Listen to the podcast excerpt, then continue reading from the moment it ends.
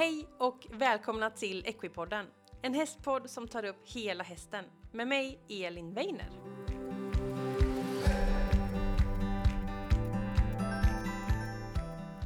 Då var det onsdag igen och jag vill hälsa dig välkommen till ett nytt avsnitt av Equipodden.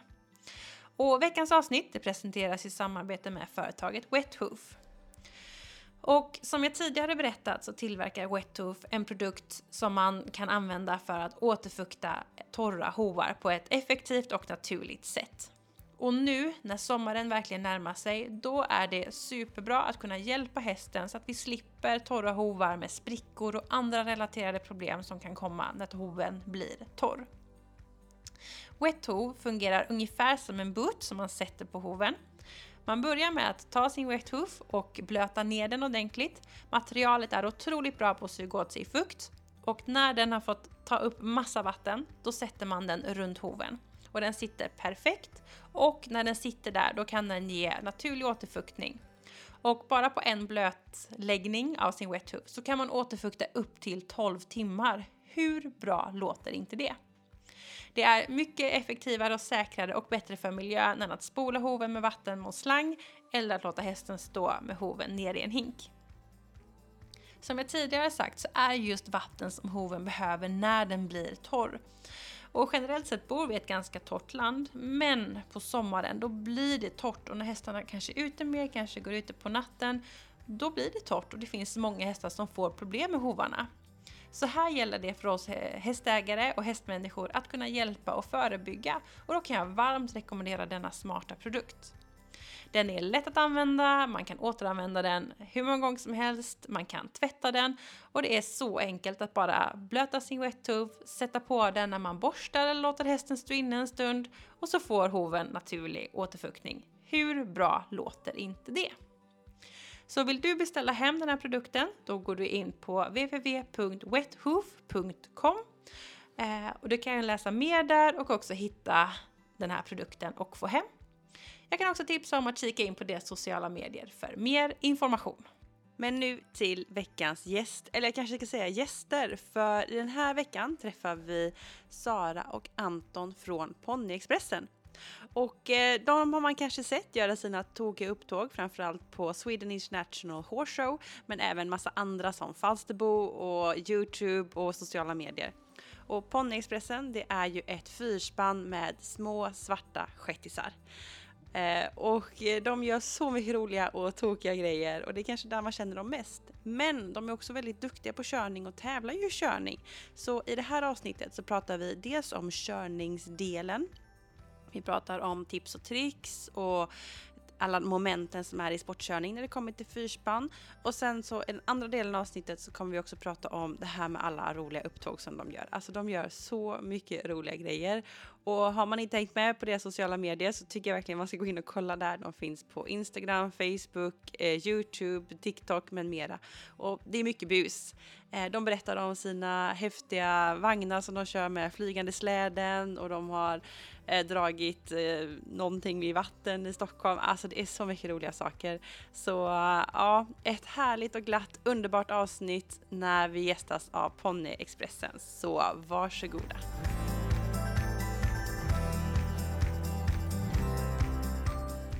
Så, då sitter jag med Sara och Anton i ett soligt Göteborg. Oh, Välkomna! tack snälla! Tack så mycket! Och eh, ni har ju faktiskt flugit hit och det har ju varit jättekul. Och ni ska ju vara här idag. Ja. Eh, och vi ska göra podd. Jajamän. Och eh, man kanske inte vet vem Sara och Anton är, men man vet nog vem Ponnyexpressen är. Och det är ju ni. Det är vi! kan man säga. Så välkomna! Jättekul att ni är här. Tack så mycket! Jag tänkte att ni kunde få börja med att berätta lite ja, men, vilka ni är och, och vad ni gör. Ja, Ponyexpressen, vi har ett brett spektra. eh, vi kan väl säga oss att vi är ett av Sveriges eh, kändaste ponnyfyrspann. Mm. Eh, jag nog hålla med om. eh, vi håller ju på inom både show och eh, sportkörning. Eh, sportkörningen var väl där vi började Mm. lite smått. Men ändå, showen har ju hela tiden funnits med vid sidan Mm. av. I början var det inte så mycket show. Alltså det var show, det var det. Men eh, det var liksom, eh, vad kan man kalla det? Ska jag bara snurra runt det här. Simmat varv i skålen. Simmat varv i skålen. Nej men alltså i början när vi körde på eh, Stockholm Horse Show och Globen. Då var det liksom Kom hit med en vagn, Mm. kör ett varv och så fick man uppgifter. Mm. Nu är det Vi kommer med idén. Mm. Och ja, vad roligt att ni kom med idén, kom hit och gör den. Ja, just det. Eh, Så att den delen har ju eh, utvecklats med showen. Det var det jag menade Mm. att showen har utvecklats och vi eh, har varit med och byggt fram det. Mm. Eh, Sen får väl Sara fylla i lite för jag snöade väldigt mycket in på in med ett hörn. Men eh, det är ju framförallt du som har byggt Ponnyexpressen. Jag Det har ju det. bara hängt med de senaste typ 2018 tror jag. Ja, 2018 var första året. Mm. Torkåret. Torkåret, Ja, den precis. där hemska sommaren. När vi Precis. körde bröllop som bara den. I den där värmen. Ja. Det var mina det så? första Ja. erfarenheter med Ponnyexpressen. Ja. Och jag var värdelös som groom. Kommer du ihåg när Rigo drog av sig huvudlaget på Stureplan? ja, det var Åh, en upplevelse. Fy! Och jag Rödlyse. visste knappt hur jag skulle lösa det där problemet. Jag sa det är som ett träns. det är som ett De börjar tuta där bakom. Ta det lugnt, det kommer ett nytt rödlyse. ja, nej men så att eh, Ponnyexpressen, vi är ju både show och eh, event, Mm. bröllopskörningar, eh, sportkörning, Mm. barnkalasjippon, företagsevent. Ja, det är liksom, vi, vi gör allt. Mm. Men det mest kända det är väl Flygande släden. Ja, det mest Mm. kända är väl de flygande spektakulära sakerna från Friends Arena och Just Sweden. Horse Show. Sweden Horse Show, Mm. Mm. Eh, Mm. och sen har vi nu börjat med vår YouTube-kanal. Ja. Och där får vi, började vi i pandemiåret att Mm. vad ska vi göra när vi inte får åka ut? Nej, Jo, vi, Allt blev inställt. Vi visar lite YouTube. Vi började med TikTok och insåg att TikTok det var en bra plattform. Men vi tyckte att vi vill kunna ge ut lite mer inspiration och lite mer Mm. föreläsningar i framtiden och lite mer visa vad man kan göra eller, Mm. och hur man gör. Mm. Mm. Eh, Så därför valde vi YouTube. Just det. Eh, Ett för lite där- längre format. Lite längre format. TikTok visar vi ofta mycket bus på. Mm. Men eh, just YouTube är våran utbildningskanal och ändå spexkanal. Det ska liksom bli Mm. följ med i vardagen. Ja. Ja, för att när vi, när vi frågar våra följare vad är det ni tycker om med oss? Varför följer ni oss? Mm. Och då tycker vi att om vi delar en jättefin fotograferad bild ifrån en snygg arena, då tycker vi så att det här, det här kommer de gilla. Mm. Nej, Nej. det är när hästen står lerig i hagen. Det är toppen. Så att vi, hela liksom, Youtube-kanalen blev ju ett eh, pandemiprojekt. Mm. Eh, och eh, tanken är att man ska få följa med bakom kulisserna. Mm. Eh, vad händer egentligen bakom kulisserna? Eh, publiken ser det som sker inne på arenan. Mm. Det är det våra liksom, eh, 30 sekunder av fame. Men vad händer till vi går in på arenan? Det händer en hiskelig massa saker, både på plats men också innan. Och det tycker ju våra följare är väldigt, väldigt roligt att vara med om och Mm. se. Det är mycket. Det är mycket. Och, och sammanfattar man här så, oj, ni är ju fyrspann med små svarta shettisar. Mm. Ja, Typ en meter. typ en Ja. meter. Medianen är en meter. Medianen är en meter på dem. Ja, och fyra stycken. Det är svårt att köra fyrspann. Det är svårt i början. Mm. I Eh, början. Alltså, vi brukar säga så här. Alla kan åka fyrspann och hålla tömmar. Mm. Men att köra fyrspann Mm, är svårt. det är svårt. Eh, om vi hade varit ute på en bana och vi hade kört ut hästarna dit och jag hade värmt dem så hade jag lätt kunnat lämna över tömmarna till dig och du Mm. hade kunnat styrt runt. Mm. Och det använde vi som shownummer på olika arenor. Som Mm. senast Elmia så fick ju två kändisar testa på att tävla mot varandra inför fullsatt Elmia Mm. och de gasar som tokar. Mm. Och eh, det är ju liksom det som är charmen med de här små. Man hade nog aldrig vågat göra det med stora. Mm. Nej, nej, Nej. nej. Alltså, det är så stora krafter på de stora. De små, de kommer upp i sina 25-30 km i timmen. Sen går det inte mycket fortare. Nej, och det är ändå ganska fort. Det är, Ja, ändå- det är ja, inne på en arena som bara är, ja, vad är, är de här arenorna? Friends är väl 100 meter lång och 40 meter bred ungefär. Mm. Och Elmia är lite mindre. Det, det är, de behöver ju svänga och så är det saker överallt. Ja, exakt. ja, precis. Behöver svänga, det kommer en vägg snart. Ja, det kommer en vägg. Ja. Ja, men Ja. alltså så att, och hästarna är ju så att svänger du inte så springer de in i väggen. Ja. Mm. Det är lite så med körhästar. Vi har ju lärt dem att springa full fart mot en vägg Ja. och de litar på oss att vi säger nu ska du svänga höger eller Just vänster. det. Just det. Det är lite det som krävs att kunna, när man går över till exempel på sportkörningen. Mm. Att kunna köra full fart in i hindret och de vet om att 10 cm innan där kommer jag svänga. Mm. Men när är Det- den svängen? Just det. Oftast så då har Sara fått lära sig den hårda vägen att när man är inne och kör fort i hinder så måste du förbereda hästarna med lite tömtag. Mm. Och liksom, ska vi svänga en åtta runt några kuber, Mm. då är det liksom förbered svängen redan till höger när du ändå svänger till vänster. Mm. Och då tänker alla, men du skulle ju till vänster först och höger sen. Ja, Mm. men du måste ju förbereda honom att han ska ställa om innan. Mm. Och den öglan, den tömtaget måste du redan ha tagit när du går in i hindret oftast. Mm. Eh, Så det är mycket man behöver vara snabb i fingrarna. Mm. Vi brukar kalla att man ska vara snabb i tassen. Ja, Mm. exakt. Och dit har inte jag kommit än. Nej, Även om jag... vi eh, är bör- på väldigt god väg. Ja, kanske det. Men, men jag började Mm. ju köra spann. Visst, jag har kört rakt fram ut på motionstur. Det har jag gjort innan. Men, men jag började ju köra spann på riktigt för ett år sedan. Mm. Ehm, nästan exakt faktiskt. Mm. Eh, och sen blev jag helt hooked på det där. Det var inte alls tanken att jag skulle tävla. Ehm, men så blev det. Men, men den stora fördelen med att få köra så utbildade hästar. Det är ju att de kunde lotsa mig igenom och hjälpa mig. Ja. Eh, för att det är som Anton säger, de är, jag ska inte säga att de är programmerade för det är de inte, men, men de vet vad de ska göra. Mm. Har jag mina förlöpare som brukar gå som förlöpare, då vet de vad de ska göra i Mm. konkörningen. Just det. Eh, det märks direkt om du stoppar i en häst som brukar vara stånghäst till exempel och flyttar fram den. Eh, De då får du jobba fotboll. lite mer. då blir det fotboll med Det konerna. blir fotboll med konerna och eh, baseball med de gula bollarna. Ja. Exakt. Ja, det här Ja. brukar inte jag behöva tänka Nej, på. nej. vad är det Hallå, här? vad, vad, vad, vad är det här för något?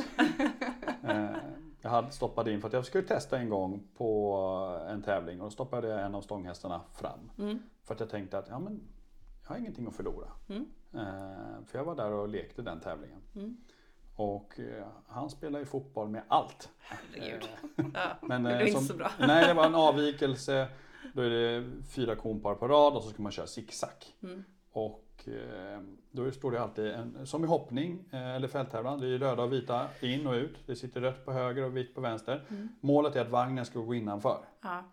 Eh, Det var ju tur att han sparkade den här röda skylten till höger så att den flög mer till höger så att vagnen kom innanför. Det var För hade den gått utan, alltså hade högerhjulet gått, då hade jag varit tvungen att ta om den svängen. Ja. Ja. Oj, oj. Ja, så att det, ja, man får eh, bita i suräpplet ibland. Så blir det ibland. Mm. Och eh, hur många hästar har ni då? Eh, från och med... Jag måste räkna. Ja, eh, hade du stycken frågat för, när, du- när vi var tillfrågade om podden, då hade vi Mm. satt sex stycken. Mm. Mm. Men nu har vi sju stycken. Nu är det sju stycken. Ja, det kom någon för några veckor sedan såg jag. På. Ja, två veckor sedan är det va? Ja. Mm. Ja, något sånt. Två, tre veckor sedan kom Mm. den som heter Lordi. Mm. Lord Silver. Mm. Eh, vi kan väl gå igenom vad alla heter. Ja, kör på. Ehm, gammal, gammal, den äldsta i gamet, eh, inte gamlaste, utan den äldsta i gamet, han heter Furunäs Monsun, godkänd hingst. Mm. Och han fyller 22 i år. Oh, wow. Eh, han var godkänd förra året faktiskt. Det var också Aha. ett pandemiprojekt. Ja. Det är ju det är sent. ja Man har Eh, gått hela livet som Det hingst. finns Ja. en, eh, ett Youtube-klipp när vi åker ner till premiering med honom om man vill följa det. Kul. Eh, och vi försökte premiera han vid lite yngre ålder. Men eh, det är ju det här med Antingen så håller man på med premiering och bruks och hela den biten eller så håller man på med det andra. Ja. Oftast är man inte på båda om man inte är uppsuttet. Just För det. då vill man, alltså, Mm. och vi har inte gjort det här förut. Och när jag skulle göra det här, hade precis gått ut gymnasiet, precis fått över hästarna och tänkte att Mm. ja men premiärer kan vi göra för att vi hade ingen maratonvagn och vi hade ingen tävlingsutrustning. Men premiären kunde man ju åka på. Ja. Och så visste man inte riktigt vad man gjorde. Ja. Och så var vi jättesena. Ja, okej. Men det var en annan historia. Mm. Eh, sen har vi eh, näst på tur som då är, eh, som kom, jag tar den ordningen de har kommit in i spannet, Mm. inte de, den ordningen som de är i ålder. Då har vi Roje. Mm. Och Roje, det är faktiskt min egna uppfödning. Kul. Det är ett gymnasieprojekt. Mm. Eh, I gymnasiet så fick vi uppgift att göra en, eh, ett avelsarbete. Man skulle välja ut en hingst och man skulle välja ut ett sto. Mm. Och då frågade jag min lilla mor. får jag välja ut Roxy till som mor och får jag välja hingst till henne. Mm. Alltså vårt shetlandsponnysto. Aha. Ja, men det, för vi hade aldrig pratat om förr, vi hade aldrig liksom haft tid. Men Mm. när jag gick ändå gymnasiet, lillasyrran red inte längre för hon hade blivit hästrädd igen. Mm. Och hade andra, eh, så stora syran eh, var inte riktigt där i livet heller för att ta över shetlandsponnyn till h- hennes framtida barn. Och jag gick i gymnasiet och hade ponnyn med mig på gymnasiet. Så Mm. Mm. det var liksom självklart och hela familjen var med. Mm. Så vi tog fram en hingst och avlade. Eh, Rojes stora syster föddes 2008. Mm. Eh, men hon levde ett dygn. För hon föddes för tidigt. Surprise kallades hon. Mm. Men vi vet inte varför hon dog. Men vi tror att det var en blodförgiftning. Okej. Och det är på grund av att 2010 så kom Roje, Royal Star. Mm. Och Royal Star var då Surprise lillebror. Mm. Eh, samma hingst, samma sto. Mm. Men han föddes med eh, blodförgiftning. Det visste vi inte då. Mm. Mm. Han var väldigt svag, han åt inte. Men till slut så fick vi ge honom lite mjölk och sen så, ja han fick i sig mjölk och vi hjälpte till att nappa honom i två dygn. Och sen kände vi att nej nu är det, Mm. nu är måttet rågat, nu måste vi ta ut veterinär. Mm. Eh, vi ringer veterinär och det är ju typ en sån här dag där ingen veterinär finns tillgänglig. Nej. Gårdsveterinären som var närmast eh, satt i, med kastrullen redo för att skulle ha storfrämmande. Mm. Och, eh, men vi fick i alla fall tag på en veterinär som sa åk till Ultuna nu. Mm. Och där fick han bo en vecka och fick Mm. ja, plasma tror jag det var. Han hade, och då var det konstaterat sepsis, blodförgiftning. Ja. Men han är 12 år i år. Mm. Coolt! Så att, eh, och eh, det är lite kul att jag har gjort allt med Ja. honom. Ja. Sen är ju han, eh, som man brukar säga, bagarens barn. Ja. Sara har ju problem fortfarande när hon ska sätta tecken på Ja. honom för han har en räv bakom örat. Varenda dag Igår, ska... de, vi parkerar ju alltid hästarna och så ska de liksom stå. Igår så smet han för då var det Sara och Saras mamma som var ute och skulle köra. Ja, just det. Det var Och då du där. tyckte han att nej, där ska inte jag stå. Nej, nej. Sen kom jag och sa till honom och då bara okej då. Sorry. Sorry. Eh, nej, och sen så med Roje så var det så att han föddes ju och behövde ha en lekkamrat på sommarbeten. Mm. Så då hörde det av sig en dam som heter Ulla och hon hade en häst som heter Rigo. Och Rigo är då lika gammal som Roje. Mm. De föddes i samma hage Mm. men inte samtidigt eftersom Roje åkte upp till Ultuna. Ja, precis. Så att Rigo föddes några, någon vecka, två veckor efteråt och någon månad, vecka, månad efteråt och de blev då sen efter ett och ett halvt år när de skulle vänjas av. Mm. Eh, bästa kompisar och Ja. fick då gå in i flocken direkt. Mysigt. Ja, så de har ju levt tillsammans och Mm. det, det har vi byggt upp tillsammans och de har gjort det mesta tillsammans. Mm. Eh, sen har vi, och då kom faktiskt Sara in i bilden för första gången med att börja hjälpa till. För det var den första körningen hon skulle hjälpa till. Då Mm. har vi fått in Losjöns Timotej i gänget. Mm. Just det. Eh, Losjöns Timotej, han kom in 2017. 18. Nej, 18. Nej, det var Aragon som kom först. Aragon kom, Lövets Aragon kom först. Mm. Eh, för 2017, 2018 blev det ett, det var ett tufft år. Mm. Eh, då var det liksom så här, ska jag fortsätta eller ska jag inte fortsätta? Mm. 2017 på våren, nej, hösten så fick eh, Furunäs Irokes som vi hade, eh, han fick tarmvred och eh, inflammation på tunntarmen. Mm. Och han låg inne en månad på, på eh, Mälarkliniken till och från. Mm. Eh, han var uppe en vecka, låg inne en vecka och så vart frisk, kom hem, vart sjuk, kom hem, vart sjuk och sen så sa de blir han sjuk en gång till så kommer det inte Nej. gå. Och tyvärr så fick han somna in den Mm. 23 december. Nej. Så det var en trevlig julklapp det året. Usch. Mm. Ja. Sen så eh, på våren 2018 på min namnsdag 17 januari, eller vintern är det. Då fick nästa häst kasta in handsken. Mm. Eh, då var det Hercules som hade fått tarmvred och han insåg när vi kom in att eh, vi visste om att han inte hade tänder, så mycket tänder kvar. Han åt eh, soppa Mm. och han, eh, ja, så då fick han kasta in hand, handsken. Mm. Eh, de sa det att det här, vi, vi sa det, vi vill inte öpp- buka öppna en 27-årig shetlandsponny. Nej, Nej. det Och känns han lite var, mycket. var lite som pensionär. Mm.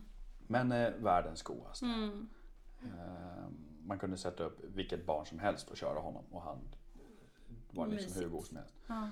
Och då tog Sune som var vår hästägare på den tiden, enbart han som hästägare på den tiden, förutom Ulla då som hade Rigo, beslutet att då pensionerar vi 23-åringarna, Gangster och Genge. Mm.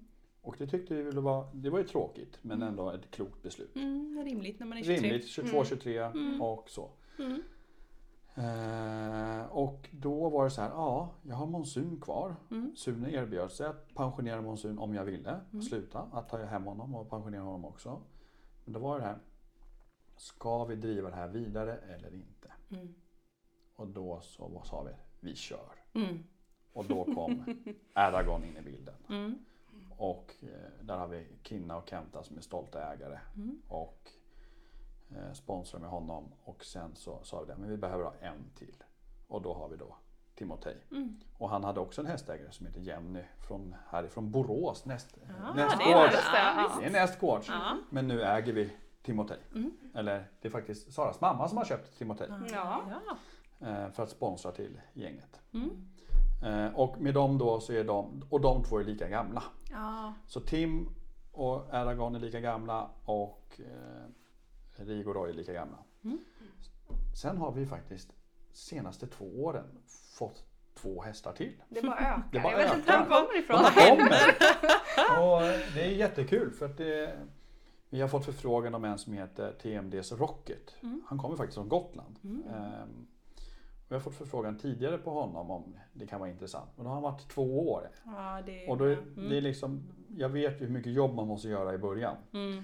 Och eh, det är inte rädd för att göra jobbet men eh, när man har eh, fem andra som ska göras och eh, då är det liksom så här att ja, tömkörningsövningar och ledövningar när de är två. Det är lika bra att börja med dem när de är tre och så kan man göra allt på en gång. Precis, lite Eh, snabbare. Lite Mm. snabbare Mm. och de har byggt muskler bättre och så. Så att eh, de hörde av sig sen och frågade om vi ville ha honom igen eh, när han var tre. Eh, Så då sa vi Ja. ja. Ehm, Så då kom han när han var tre. Så har vi haft honom nu under eh, förra sommaren och hösten och nu vintern. Och eh, kört in honom och börjat utbilda honom. Spännande. Och sen nu för två veckor sedan, tre veckor sedan kom då Lordi. Ja. Och det som är så roligt är att nu börjar vi få ett, eh, ett åldersspann på hästarna. Mm. Och det märks att vi börjar få in yngre hästar. Eh, för då märker man hur mycket jobb vi har lagt ner på de andra. eh, för att eh, Tim och Aragon de är 13, Rigo Roja är 12, Monsun är 22, Racke är 4, Mm. Lordi är 6. Mm. Så det, Det börjar bli en ganska bra Mm. palett. Ja. Att både nu och framtid. Eh, och eh, Lordi har vi ju tagit in för att mycket för att han har otroliga meriter men då uppsuttet. Just det. Så barn Mm. har ridit honom, Det är bra. tävlat honom, uppsutten dressyr och hoppning, Har blivit Han brukschampion. brukschampion Jaha. och har jättefina meriter så. Mm. Jättefin gång. Så han tror vi jättemycket på för Och framtiden. Veronica som äger honom och Carl Magnus, de har ju genuint intresserat. Han ska inte bli en vandringspokal som bara Nej, plockar och precis. sätter. Vi vill Som ha ett och fast Mm. hem. Men de äg, vill gärna äga honom. Så att, eh, Perfekt för er Ja, det är perfekt Ja, för det är oss. superbra. Och han är körd i- enbett och par innan då. Så vi har honom på prov till eh, Vi har honom på juli. prov till juli och sen får vi väl se. Jag, jag misstänker att vi kommer ha kvar honom. Än så länge, än så länge har han bara guldstjärna. Ja, Än så länge passar verkligen. han in. Ja, Ja. absolut. Och alla svarta. Alla svarta. Alla svarta. Hercules som jag nämnde tidigare, han var fuxskäck. Ja. Så då brukar vi säga, då såg man när man använde Ja, reservhjulet. precis. Så det kom in en extra. Det var en härlig färgklick. Ja. Han eh, var i klapphingst så att han, Mm. eh, det kan vi tillägga, från början var ju Ponnyexpressens alla hingstar. Ja, okej. Så grunden var hingstar. Mm. Ehm, så att eh, det är ju liksom, det var grunden. Så Monsun är ju hingst av den anledningen. Ja, just det. Mm. Men när vi skulle börja ta in nya hästar, de hade börjat komma till den här åldern som Tim och Aragon var. Mm. De var 10-årsåldern. Ja, så det är inte så vanligt. Kim var hingst, Mm. men han var nio när de kom. När de kom. Eh, och han, de var, eh, Tim var hingst. Aragon är godkänd hingst men kastrerad. Mm. Och då var det liksom så här. Det var ett slagsmål Mm. och de skulle döda varandra. Ja.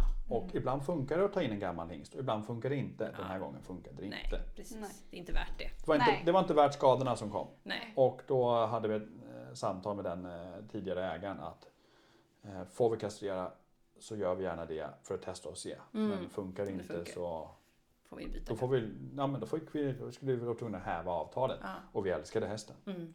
Mm. Nej, det är svårt och just när man kommer upp i de åldrar, det är inte så många som behåller hingstar. För Nej. hingst är ju lite svårt ändå. Ja. Med hagar Det är och lite annorlunda. Ja, Mm. man får tänka lite extra. Mm. Så det är svårt. Eh, så där har vi hela, Där har vi hela, Hela familjen. Hela familjen, hela, Hela familjen familjen, Ponny. ja, Ja. precis. Och eh, ni kör ju fyrspann då. Ja. Eh, men jag vet att det händer en lite rolig sak just nu i ert liv för ni bor ju nu i Gnesta Mm. ja. och det ligger norr om Stockholm. Söder om upp- Söder om Stockholm. Söder om Stockholm, Ja. sitter där. Jag har ingen aning. Eh, men ni ska ligger flytta. söder om Södertälje faktiskt. Söder om Södertälje. Ja. Ja. Men ni ska flytta. Ja. Vart hamnar ni då? Vi har... eh, Eller så här.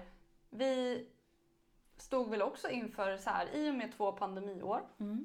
med ganska mycket avbokningar. Vi har Mm. dragit igång andra projekt Mm. eh, som eh, verkar uppskattas, vilket är otroligt roligt. Men, men tanken har ju också slagit oss. Ska vi sluta nu? Mm. Eller ska vi öka? Mm. Och ska vi öka, då behöver vi större plats. Mm. Eh, för att vi har stora drömmar och visioner vad vi vill göra. Kul! Eh, och vi får ganska mycket förfrågningar också som vi Mm. inte kan bemöta i dagsläget. Så vi började titta på gård. Mm. Och då självklart när man bor i Sörmland så tittar man ju i Sörmland. Japp. Mm. Men pandemin hade en annan sak med sig. Mm. Ja. Alla ville ut på landet. Mm. Alla ville köpa gård. Alla ville köpa något på landet. Ja. Så alla sommarstugor steg med miljon Mm. och alla hus med mark steg med 2-3 miljoner i Ja. Sörmland. Tufft. Och gårdarna steg med ohyggliga priser. Ja. Ja. Det var liksom bara, man hann inte tänka. Nej. Eh, Och i dagsläget har vi hyrt gård och varit jätteförmånligt med det och Mm. trivs jättebra i läget och med så. Men det har varit för trångt. Mm. Ja, bo, både, både för oss och för hästarna. Mm. Och framförallt, vill vi öka och liksom utveckla vår verksamhet, då får vi inte plats. Nej. Och då behöver vi större. Så då tittade vi på gård. Och vart hamnar vi? När man har en pengakasse. Ja. Kiruna, Skåne, Värmland eller Gotland. Gotland. Och då är det så att Gotland undrar alla, men vägen, världens ände. eh, men då sa vi, vi, vi har ju semester på Gotland i minst två år. Tre år har du gjort och jag har gjort i två år. Mm. Och Ja. vi, jag har tävlat många gånger på Gotland och vi älskar Gotland. Det är jättefint. Ja. Och det är fint alla årstider. Mm. Även fast man kanske tycker att det är lite kargt på vintern. Mm. Men Gnesta är inte jätte, Nej, jätte västkusten är också rätt. Ja. Nej, men alltså det, Vintern är ingen det är ju rolig. liksom, alltså västkusten eller Stockholms skärgård på vintern är inte heller jätte Nej. eh, Nej. så.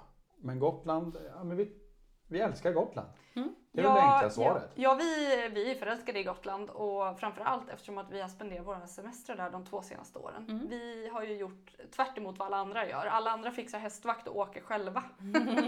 vi plockar med oss allting vi har in i bussen och så åker vi över till Gotland. Hur Eh, många vagnar får vi plats på släpet? Ja, ungefär så. Tetris deluxe. Hur mycket bus kan vi hitta på? Ja. Eh, men sen har vi otroligt mycket vänner på Gotland. Mycket inom häst såklart. Kul. Mycket inom körning. Mm.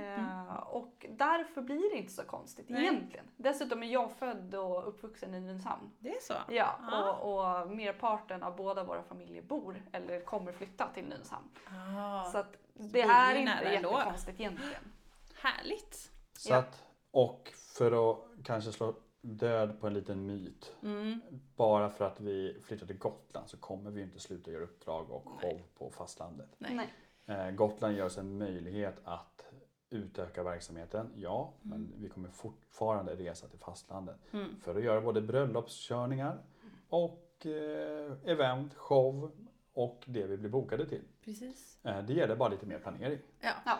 Det är en båt som ska planeras in men Ja. annars är det inte mer än så. Eh, jag är ju inte född men jag är uppvuxen på Ekerö och Mm. då är det en båt som är inplanerad. En bilfärja eller åka broar Mm. och broarna fastnar då är det bilfärja. Mm. Så att eh, det är liksom, vi, man får planera lite mer. Ja, och sånt lär man ju sig. Ja. I Vilken tid man behöver och, Exakt. och så. Mm. Vad Kul! Mm. Så massa spännande saker ska hända nu då. Ja, När går flytten? i mitten av augusti. Mm, det är vi. ganska snart ändå. Ja, eh, det är ganska snart och vi har sett så här, shit vad mycket grejer vi har. Mm, det är lite att packa. Det är lite att 13 packa. vagnar tror jag vi räknar till. Ja, jag tror, jag tror vi är till och med 14 nu. Ja. Det är ju eh, och det är framförallt väldigt skrymmande saker. Det är Mm. inte så om man håller på med uppsutten eh, Ja. liksom dressyr, då har man sin sadel och sitt rens och Ja. sen är man klar. Precis. Men vi, vi har en del skrymmande saker. Ja precis. Det är inte, även om jag har 10 schabrak eller 20 schabrak, Mm. det tar inte så mycket mer plats. Nej. Alltså en vagn Nej. Nej, exakt. Ja. Så Mm, att eh, vi håller på att planera flytten, hur vi ska Mm. göra rent Mm. logistiskt. jag förstår detta. Mm. Spännande. Mm. Ja, jättekul. Nu har vi fått en liten introduktion av vad, vad Ponyexpressen är för någonting. Och vi ska ju prata lite grann, nu har vi pratat en stund. Men eh, vi ska försöka ha lite två teman och vi ska prata om körning, sportkörning, tävling och vi ska prata om era shower. För det fick jag mycket frågor om. Mm. Men vi kan ju börja med själva körningen. Mm. Eh, och där är ju du ganska ny i sporten, Ja, eller hur? verkligen. Sara? och um, vi har haft med Anna Racking innan som kör enbett och hon pratade ju mycket om sportkörning är ju tre moment, dressyr, träng eller maraton och eh, precision Mm. heter det va? Eh, och då, Konkörning om man ska vara lite mer såhär... rätt. Nej, inte rätt. Precision är det rätta. Ja. Men det är svårt för någon som inte vet Precis. Vad en precision är. För Mm. säger du precision, ja vad ska vi precisera för något? Mm. Mm. Eh, Så konkörning brukar man säga för att man ska förklara lite enklare för vad, vad det är. Eller hopphinder mellan hinderstöd.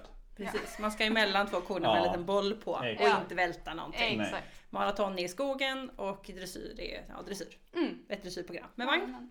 Och eh, då har, är ju liksom okej, en häst Mm. och sen kan man ha två. Mm. Man har inte tre väl? Utan man har fyra. Man har fyra, men två Ja. kan man ha både faktiskt bredvid varandra och en bak och en Just framför. det, just det. Som tandem, när man cyklar tandem fast Ja. man kör tandem.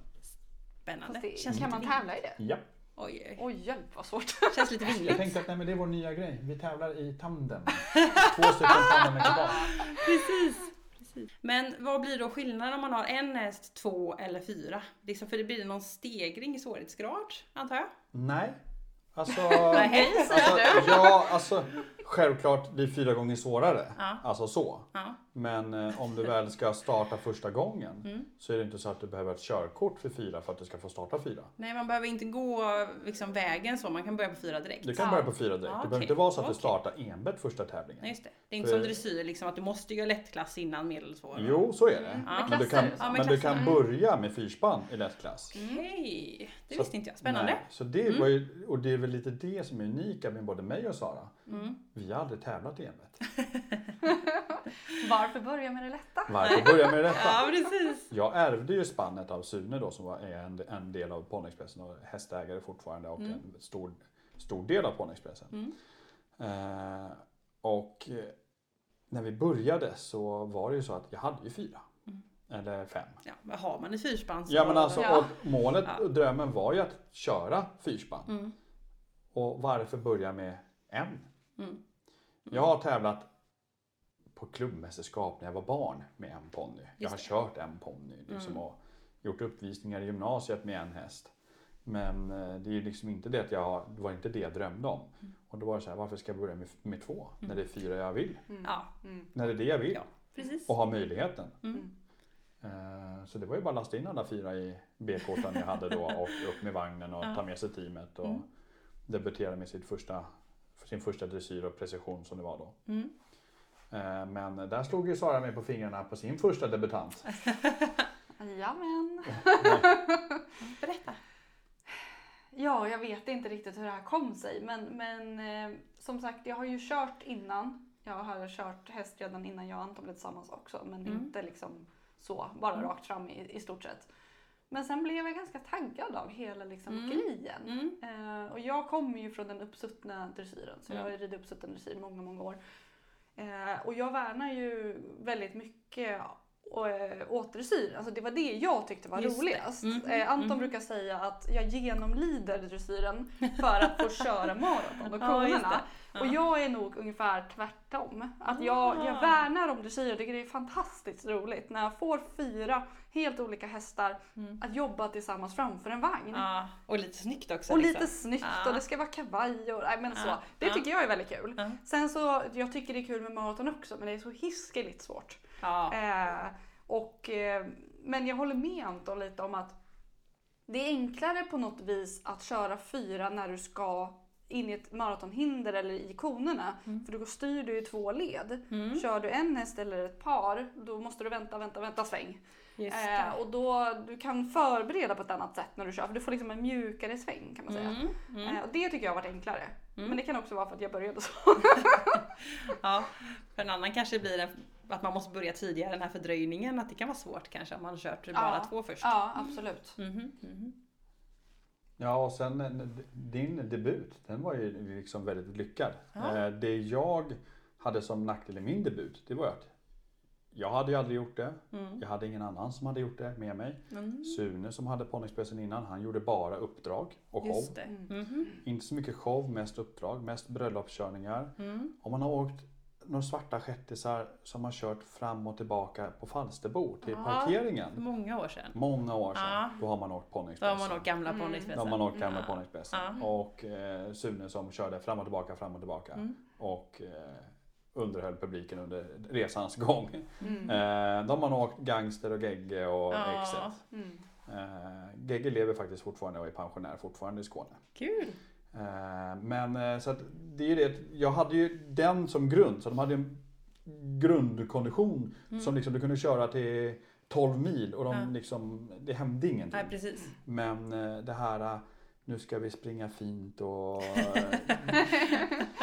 jag... Och eftersom man inte själv tycker, som Sara sa, jag genomlider dressyren. Jag tycker Mm. det är kul att köra fort. Men Mm. man måste ju börja någonstans. Mm. Och mitt mål var ju att få köra maraton. Mm. Och då måste man ju köra dressyr och precision. Just det. Och, eh, och jag har ju tyckt, det, när, det, när det väl sitter, funkar i dressyren, då är det ju lite roligt faktiskt, ja, måste jag det är lite erkänna. billigt va? Ja. Ja, kommer det fram? När, det, när det fungerar och man liksom känner bara, ja, jag faktiskt kan nästan det här i alla fall. ja. Då är det lite roligt. Men eh, det var som Sara när hon tränade förra året, att de ser väldigt fina ut nu när du kör. ja. Får jag testa att köra lite? Mm. Du tog, ville till och med ta över Ja. när jag satt och körde dressyr. Och det är Mm. ett ganska bra kvitto skulle jag säga. Då går det bra. Ja, Och det är ju, alltså framförallt, jag hade aldrig kunnat göra en så lyckad tävlingssäsong och debut och alltihopa om jag inte hade haft Anton på vagnen Mm. som är så rutinerad. Mm. Kan hela TR utan till, vet precis hur jag ska hantera alla situationer Just som dyker det. upp och Ja. så vidare och kan lotsa mig och känna hästarna. Just det. Hade jag börjat köra hästar som jag inte kände och hade en groom som inte kunde någonting, då hade jag absolut inte, det hade inte gått så här bra. Absolut inte. Mm. Ehm, Men det man kanske inte känner till med just fyrspann och, och det gäller ju par också, men man tränar ju hästarna en och en. Mm. Det är inte så ofta vi kör spann egentligen. Mm. Eh, för att du bygger alla hästar en och en, både i tömkörning men framförallt i enbett. Mm. Eh, och när det funkar, då sätter du upp ditt par. Mm. Och då har eh, förutsättningarna ändrats radikalt. Och sen när det Då- funkar, då ska du sätta upp ditt två par, alltså ett spann. Mm. och är det så att du har satt ihop det paret och så inser du att det här är ju, går, jag har inte gjort läxan. Mm. Då är det bara tillbaka till ruta ett. Mm. Och gå tillbaka till enbettet Mm. och titta och se, ja men det var han var fortfarande lite stel här eller jag behöver öva mer på övergångarna. Mm. Och att öva, öva på övergångar i par, det kan du göra när du vet att det funkar i enbett. Mhm. För då, du, du har ju, som vi sa tidigare, du har ju bara rösten, tömmen och pisken som Mm. hjälpmedel. Mm. Och pisken låter ju väldigt dumt att det låter pisk. Ja. Alltså, Ja, det har ju en negativ det, klang. Det är en Ja. negativ klang i pisk. Mm. Pisken är ens skänkel i körning. Just Mm. det. Och det är väl det som är det viktiga, att det är skänken. Eh, I sportkörning i Sverige får vi inte använda pisken som drivande. Nähä, bara vägledande liksom. Vägledande, Mm. flyttande Mm. och vägledande. Eh, en pisk som driv kan du få ett gult kort för. Okej. Och då är det helt plötsligt, då har du rösten Ja. eh, och tömmarna kvar för att få drivet. Mm. Hur gör du då? Mm. Mm. i ridningen får du till och med sitta på dressyren med sporrar Mm. Ja, och driva med dem. Ja. Eh, och självklart får du inte ha någon blod efter eller skador på hästen men det är ändå liksom att i körningen har du då bara rösten och suget i tömmarna. Mm. Och då är det ju något man får arbeta på, vi- visa hästarna att Mm. Sitter inte jag och säger att man ska piska hästarna och ropa på dem men alltså man får ju liksom arbeta fram en harmoni med hästarna så de vet att ja men när jag gör det här så ska det liksom då får du gå på eller Mm. ta tillbaka för att de har ju ett naturligt sug framåt. Ja. Men vi vill ju ha det här suget i dem. Så Ja, skänken får ju vara liksom som skänkel när du rider med pisken lite, lite så hemma och så. Ja. Sen kan du ju skänkla lite som flyttande i ett Mm. hinder. För ett hinder, du kan ju inte köra ett hinder utan att flytta hästen. Nej, precis. För då blir det liksom att då kommer den ju gå in i en stolpe. Mm. Mm. Mm. Och vi jobbar ju väldigt mycket med tonlägen på, Ja. på när vi kör. Mm. Eh, och det har ju, fick jag jobba med jättemycket. För att hästarna är vana med Anton och Antons röst och han har ganska Ja. mörk röst. Ja. Och speciellt när han kör häst så blir det ännu mörkare. Och, och jag är bara med Hallå, hallå, är det så här? vi-" Och de, de vill ju inte alls lyssna på Fattar mig. inte något. Nej. Och det var ju samma med problemet jag hade med Mm. pisken i början. Jag satt ju och sparkade i vagnen för jag Ja. tänkte så här, nu ska jag flytta lite. Ja. Nej, okej, det hände ingenting. så innan jag liksom på något sätt kunde arbeta med pisken som en skänkel och ändå kunna hålla tömmarna. Alltså det är ju en koordination Mm. av Guds like skulle jag säga. Svårt. Och det spelar ingen roll om du kör en eller fyra. Mm. För att det är ändå den här koordinationen. Mm. Kommer du som ryttare och ska börja köra så är det ju det oftast det man har problemet med. Att du måste få in skänkeln. Och Just det är ju pisken du har. Just det. Hur många dressyrryttare rider ett dressyrprogram med enhandsfattning? Eh, inte så många. Nej. Nej. Eh, Västernryttarna de rider ju sin på en, en hand. Ja. Men eh, dressyren rider inte på en hand och hoppningen rider inte på en hand. Eh, så där är ju ett såk. Nu har de ju i de flesta dressyrprogrammen faktiskt i år, i alla fall de jag ska, det jag ska köra, har de plockat bort enhandsfattningen. Mm. Och det är ju, åh, får man använda båda händerna. Eh, så att, men det är fick ju Sara lära sig när hon bara, ska du över med alla fyra tömmar i en hand. Herregud. Och sitta och hålla ut pisken i, eh, till höger och liksom eh, göra volten på en hand eller en avvikelse på en hand eller vad det nu var för något. Ja, då, är man inte, då är man inte kaxig. Man är inte Nej. kaxig. Nej, nej. det Och när du kommer upp i svårt. svår klass så ska du göra en samling samtidigt. Och så ska de gå framåt. Du Mm. får använda pisken som hjälpmedel om du ska göra en samling för att få lite... Ja, lite Men trygghet. den når du ju inte till förlöparna. Nej, Nej. Eller alltså du når den om du svingar snärten lite men Ja. det, då, då får du en snärt istället och då Ja. får du ju ingen fin Samling. skänkel. Nej. Utan då får du en Woo! Ja, precis. Och då blir det blir liksom, fel. Det blir fel. Och då får du ju ha röstkommandot att Ja. smacka eller någonting. Gud vad svårt.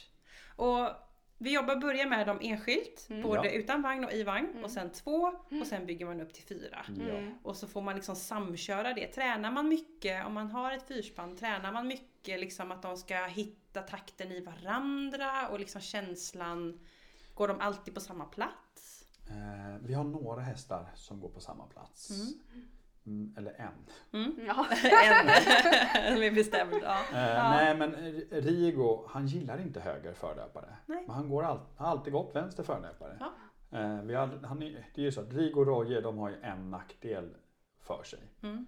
Det är att man är shetlandsponny och man inte maxar shetlandsponny. Vi sa att Ja. medelvärdet på dem var runt metern. ja. Det är de som drar ner medelvärdet för Okej. de är 95. De är 95. Mm. Ja, det är inte mycket. Det är inte Nej. mycket att hurra över. Men i maraton är ju det hur bra som helst att ha lite Mm. lägre. Mm. För går man som förlöpare så drar du inte särskilt mycket hindren men du är snabb och smidig in i Ja. de olika trånga utrymmena. Verkligen. Och det är ju de guld värda för och i konkörningen också. Mm. Eh, Men i dressyren så är det inte så kul att, eh, alltså, gå som stånghäst eller i Mm. maraton. Så då, han har sin vänster förlöparplats, Mm. Rigo. För han gillar inte höger sida av någon anledning. Mm. Och det är ju det här att visst kan man träna om honom att gå på höger sida. Mm. Eh, Men vi känner så här, om han gillar vänster sida och vi tycker att det funkar väldigt bra på vänster sida. Ja, det. Varför ska vi Mm. tvinga något till att gå på en sida som vi inte tycker att det passar bra i? Mm. Och han är ju guld värd när han går på vänster förlöpare i trafiken. Och Mm. bilar som kommer och allt Precis. sånt. Han bryr sig inte om en lastbil tutar eller Mm. Kommer mitt emot en eller vad det nu är. Mm. Men alla andra brukar vi rotera sidor på. Mm. Eh, och ibland busar vi till och sätter en stånghäst som förlöpare. Och stånghäst är ju de som går. Ja, bak, bak, ja. och så förlöparna fram. Mm. Ja. Eh, Så vi försöker, för att det kan ju alltid hända någonting med någon häst. Någon Mm. häst kan bli dålig, kan trappat på en sten, kan vara vad som helst. Och då kan vi inte stå där och vara beroende av att vi inte har höger förlöpare. Just utan det. då måste vi kunna placera dem på nya ställen. Mm. Och då händer det ju så att vi plockar ju bort Rigo och då får Mm. de ju gå på vänster förlöparplats de andra också. Mm. Så att det händer ju att Rigo inte går med och då Mm. har man ju Aragon kanske som vänster förlöpare eller Roje som vänster Mm. förlöpare och Aragon Mm. som höger förlöpare. Mm. Så det går ju alltid och så. Mm. Monsun är ju inte jätteofta fram får vi ju säga. Nej, men du har ju kört med han som förlöpare. Ja, mina först, första tävlingar då gick han som förlöpare. Eh, Men eh, jag vet inte om det var positivt eller negativt. Mm. Eh, Så att så är det. Mm. Men har de olika uppgifter på olika platser i fyrspannet? Ja, stånghästarna, de är ju draghästar. Mm. Alltså de är liksom, vagnen är deras uppgift. Mm. Eh, vi har ju ryggning i dressyrprogrammet Mm. eftersom vi är inne på tävlingsmomentet. Och ska du rygga med ett spann så är det stånghästarna som tar allt. Mm. Förlöparna sitter ju bara fast i draglinjerna, de kan inte rygga med någon, Nej. någonting. Precis. Så stånghästarna sitter ju fast med sina stångkoppel i stången och sen Mm. drar de alltihopa med sin baksele rakt Mm. bakåt. Mm. Om man lyckas få till det rakt. Bakåt i alla fall. Bakåt i alla fall. Exakt. Eh, och eh, sen är det så att förlöparna följer med. Mm. Men eh, sen är det ju också Förlöpare är ju bara för att det ska bli svårare. Det är därför man egentligen Okej. Mm. kör, kör med fyrspann. Det är, Mm. alltså tävlar i fyrspann. Det är för att det ska bli svårare. Det, Mm. det var en adelssport från början. Det var ju prins Just. Philip som nu tyvärr är avliden som började med fyrspanstävling. Mm. Och sen har det bara utvecklats. Mm.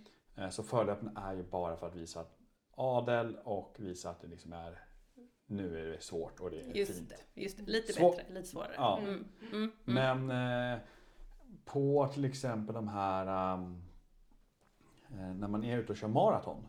Då har ju förlöparna en väldigt viktig uppgift Mm. på A-sträckan eller på warm-upen. Mm. Det är att man lägger förlöparna i drag. Så det är de som drar vagnen. Okej. För det kan de göra för de har ju draglinor. Ja. Och så flyttar man om händerna lite på snörena som man styr med Mm. på tömmarna. Och när vi kör spannmaraton och ofta dressyr och precision också, då har vi så speciella klämmor. Så vi sätter ihop tömmarna och fuskar lite. Ah. Så du slipper hålla fyra lösa snören och försöka hålla, för då måste du klämma med fingrarna. Jobbigt. Och då har Mm. man liksom inga fingrar kvar efter ett tag. Förr i tiden var det, du ska vara man nog att hålla ett spann. Mm. Nu är det liksom, ta alla hjälpmedel du får. Ja, exakt. Eh, och eh, nej men då var det så att lägger man förlöparna i drag, då vilar du stånghästarna så de bara joggar under Okej. själva A-sträckan. Ja. Och A-sträckan är ju alltså 7-8 kilometer. ja, det är ganska Och långt. det är upp och ner och höger och vänster. Vi ska hålla 12,5-13 km i timmen med Ja. Så det är liksom det är friskt tempo. Ja. Eh, då är det ju så att då lägger man dem lite mer i drag och i uppförsbackarna lägger man alla i drag. Men sen så är det liksom på vanliga raksträckor så lägger man förlöparna i drag och stånghästarna vilar. Mm. För sen när man då kommer till maraton, själva hinderkörningen. Mm. Eh, då lägger man stånghästarna i drag Mm. och drar tillbaka förlöparna. Mm. Och det är ju då att då är ju stånghästarna fräscha i de tunga hindermomenten. Och då får man lite mer att åka på. Mm. Mm. Eh, och det är ju en sån här detalj som man kanske inte gör sin första tävling. Nej, Om man precis. inte har med sig Lundström på vagnen. Ja, precis. Någon som sitter bakom Ja. och bara... Ja du, du, måste göra så här. exakt. Eh, Den lärde jag mig alltså, långt efter. Alltså, Jag har ju Mm. kört, eh, jag var uppe på SM-nivå innan jag lärde mig det. Mm. Jaha. Ja, Mm. lärde mig det av Johan när jag var nere och åkte i Tyskland. Mm. Mm. Men varför har du slackade draglinor? Ja men jag vilar stånghästarna. Mm. Jaha, ja men det är ju smart. Ja, precis. Nej, men när man har ändå fyra Ja, motorer att att ja. jobba med, då är exakt. det väl jättesmart att växla lite Mm. så att de också får vila Ja. emellan. Mm. Men till exempel i dressyren. Mm. Hade vi gjort så där, då hade vi ju fått höger stånghäst ur drag, Ja, just det. vänster förlöpare ur drag. Ja. Så där är det liksom, i dressyren ska ju alla vara i en harmoni. Och Mm. det är det som blir det svåra. Det ska se ut som att du tittar på två hästar som springer framför, alltså en som springer framför den andra, så ska det se ut som en silhuett. Precis, från sidan. Det är det som Mm. det ska se ut som, Mm. eh, när allting går som det ska. Mm. Eh, Svårt. Ja, och Mm. då, vi var inne lite på takten. Mm. Och takten är ju liksom att ja, man arbetar att de ska ha takt och det får man in i händerna. Mm. Så håller du samma takt i händerna liksom, och får samma gung i alla tömmar. Mm. Då kommer du få hästen att gå i Mm. takt. Och det är väldigt maffigt när man går på asfalt och så hör man bara dutt, Ja, och det Ja. låter som att det bara är en häst. Mm. Häftigt. Det är coolt. Ja, Mm. det måste de ju tycka om lite också. Ja men alltså Mm. de, de alltså stånghästarna hamnar ofta i takt. Ja, Mm. Och sen förlöparna, om man lägger dem i tricket är att lägga dem lite i drag. ja. Och då Att de blir- känner det. Att de känner att de Ja. ligger i Ja. drag allihopa lika Ja. mycket. Och Ja. då kommer de i takt. Just det. Så att när man ser dem ibland från långsidan då är det liksom att då är det, ser ut som att det bara är två hästar som Ja. springer. Häftigt. Mm. Och jag tänker om man känner att man vill börja med sportkörning. Eh, det är ju såklart mycket utrustning och det är Mm. kanske inte alla som har fyra svarta små hästar hemma Nej. som man bara kan hoppa ihop. Ja. Eh, liksom, hur, hur ska man tänka om man känner att det här verkar så kul? Hur börjar man? Ja, den har jag fått frågan många gånger. Mm, kan tänka mig det. Eh, det bästa att börja med sportkörning det är att först åka och titta på en tävling så man verkligen ser det är så här det går till. Mm. Att man inte bara åker och tittar på ett moment. Mm. Man åker och tittar på alla moment. Mm. Och då har de ju gjort det så smart nu för tiden att det finns endagarstävlingar i sportkörning. Just det. Så kan du se dressyren. Mm. Du behöver inte se A-sträckan i sportkörning för den liksom är ingen rolig. Mm. Men på en endagars plockar de bort A-sträckan så du liksom kan följa ett ekipage genom sin, sin dressyr direkt ut sen efter lunch in i hindren och i hindren så kommer de då också göra den här konkörningsbanan för det blir en konkörningsbana i maratonmomentet Okej. istället. Ja, ja. Och det är för att man ska kunna få kval på lite platser som är inte lika tillgängliga för Mm. sportkörning. Exempelvis Gotland, Norrland. Mm. Eh, men de eh, ti- är också nere i Göteborgsområdet här och i Skåneområdet så har Mm. de sådana endagstävlingar. Mm. Eh, det är ett sätt att åka och titta på det. Mm. Sen när man väl har, det här är det jag vill göra. Mm. Eh, se till att man har en trygg ponny eller häst. Eh, se till att man har någon som kan, man tar kontakt med någon som kan Mm. i närheten. Sportkörningskuskarna är väldigt hjälpsamma, de, Mm. i alla fall de flesta Mm. är väldigt hjälpsamma att vilja ha in fler i sporten. Det är ett jättejobbigt eh, med nya regler och ja men du kan inte ha det för att det står där men det där Mm. finns inte. Det är mycket oskrivna regler inom sportkörningen Okej. också. Ja. Eller alltså rekommendationer. Ja. det är liksom så här. Ja. Men man ska inte vara rädd för det. Man får göra fel. Mm. Och man får komma dit och liksom känna att jag är nybörjare på det här. Mm. Men det viktigaste är att man ska ha en helt schysst hel vagn. Mm. En helt schysst hel sele. Mm. behöver inte vara det nyaste, moder- moderna. Mm. Alltså det behöver inte vara senaste märket. Det behöver inte vara alltihopa. Eh, så. Men är den hel och du har alla de här bra komponenterna. Eh, selen behöver innehålla baksele om du ska köra enbett. Mm. Den behöver ha en brösta. Mm. Och den behöver ha draglinor och den behöver ha en däckel. Mm. Men det behöver inte vara Rolls Royce varianten. Nej, precis. om man vill påbörja. Mm. Men det är mycket pengar för en sele. Det är 7000 om du ska ha en helt schysst okej sele. Ja, ja. Och eh, ska du ha en Rolls Royce sele, ja, men då är du uppe på 10. Mm. Och det, det, är jag dyrt. förstår att det blir mycket. Det finns begagnat marknader. Hästnet är en jättebra sida att gå in på och kolla på körning och där kan man hitta mycket bra saker. Mm. Eh, jag säger så här, ska man tävla i sportkörning om man vill köra alla tre momenten. Se till att hitta en bra fyrhjulig Mm. vagn. Mm. Ja. En fyrhjulig så kallad maratonvagn. Alla som det står på de begagnatsidorna är inte maratonvagnar, även fast det står maratonvagn. Så man måste ha lite, lite liksom, titta och Ah, se, okej. lite, känna, Läsa på lite. läsa på lite. Mm. Känna efter lite. Men är det här en, känner jag att det här är en schysst vagn? Kan man liksom? Ja men bra. Mm. Viktigaste av allt det är att den är 1,25 bred Mm. i hjulbasen. Det är, sen är det good to go. Om du har sele, häst och ponny Mm. eh, och vagn, sen är det good to go. Mm. Ehm, självklart kanske du ska ha en transport då, något sånt. Men, eh, börjar man med en shetlandsponny, Ja. då finns det liksom, då skulle man kunna ha en rockad. Mm. Alltså, som är en, men den behöver också vara 1,25 bred. Det finns inte så många rockare som är 1,25. Just det det. finns Och den har ju bara Ja. två hjul. det har två Mm. hjul. Eh, då kan man köra en rockad och köra riktigt bra. Mm. Alltså, men du, tyvärr blir du stoppad när du kommer till medelsvår. Medelsvår är toppen. Ja. Eh, om du inte väljer att köra par eller fyrspann. Mm. Men det är många då som börjar i sporten med alltså som vuxen Mm. shetlandsponny. Mm. Testa på, kör upp till lätt ADP. Mm. Var det här kul? Mm. Eh, för en rockad den kan man hitta för Ja precis, Vilket- det finns ju en del. Det finns en del. Ja, Så att det, nej men det, det är där man börjar. ja. Mm. Eller det tredje alternativet. Mm. Det är man kontaktar en kusk som behöver hjälp. Ah, smart. Och för i sportkörningen så behöver du alltid ha en grom. Ja, Och den har vi inte pratat om. Vad, vad gör grommen? precis. Det sitter en till i vagnen. I sitter en till i vagnen och på Mm. vi som kör fyrspann, Då har vi två har till. vi två Det till i vagnen. Ja, just det.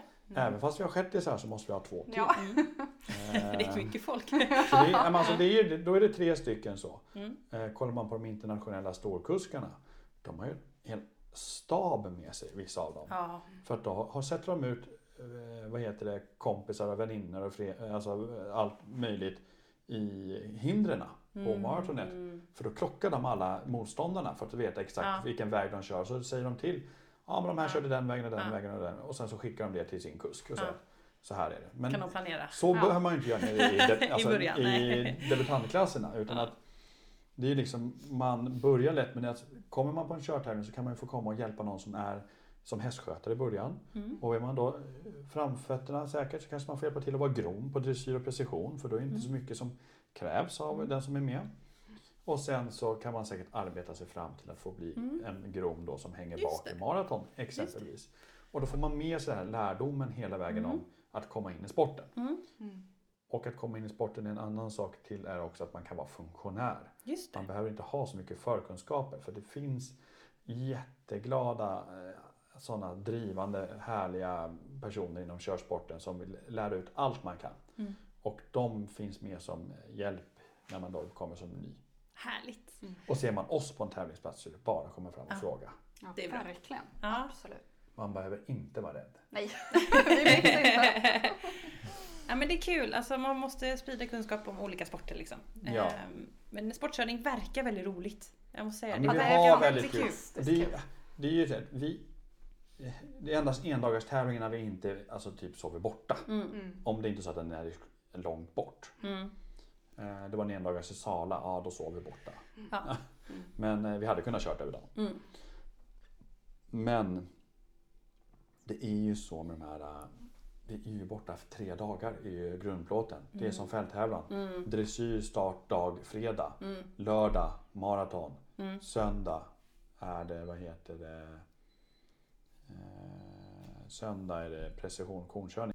Bra, då ska vi byta ämne lite grann. Eh, Det blir ett långt poddavsnitt eh, idag. Ja, Men det man kan ju trevligt. prata hur mycket som helst om det här. Ja, Ja, det är ju anledningen att komma tillbaka till podden också. Ja. ja men Att vi har mer att prata om. Ja, Men någonting som ändå känns, eh, när man hör Ponnexpressen, då tänker man ju på alla era tokiga upptåg och shower och, och grejer. Sen så förstår jag, ni gör ju bröllopskörningar och sånt där lite lugnare också. Men Mm. det man ofta ser utåt det är ju kanske Friends Arena. Ja. Eh, Man kanske har varit på det. Mm. Och då är det eh, flygande grejer och det är rök och det är eh, fyrverkeriaktiga grejer. Jajamän. Ja, visst. Och här fick jag också en hel del lyssnarfrågor. Så nu ska vi prata lite om att göra de här showerna. Mm. Kan ni inte berätta lite om vad ni har gjort? Vad som kanske var roligast? Eller var något som gick fel? Eller liksom sådär, vad, ja, vad har ni gjort? Ja, det är en lång historia. Var ska man börja känner jag?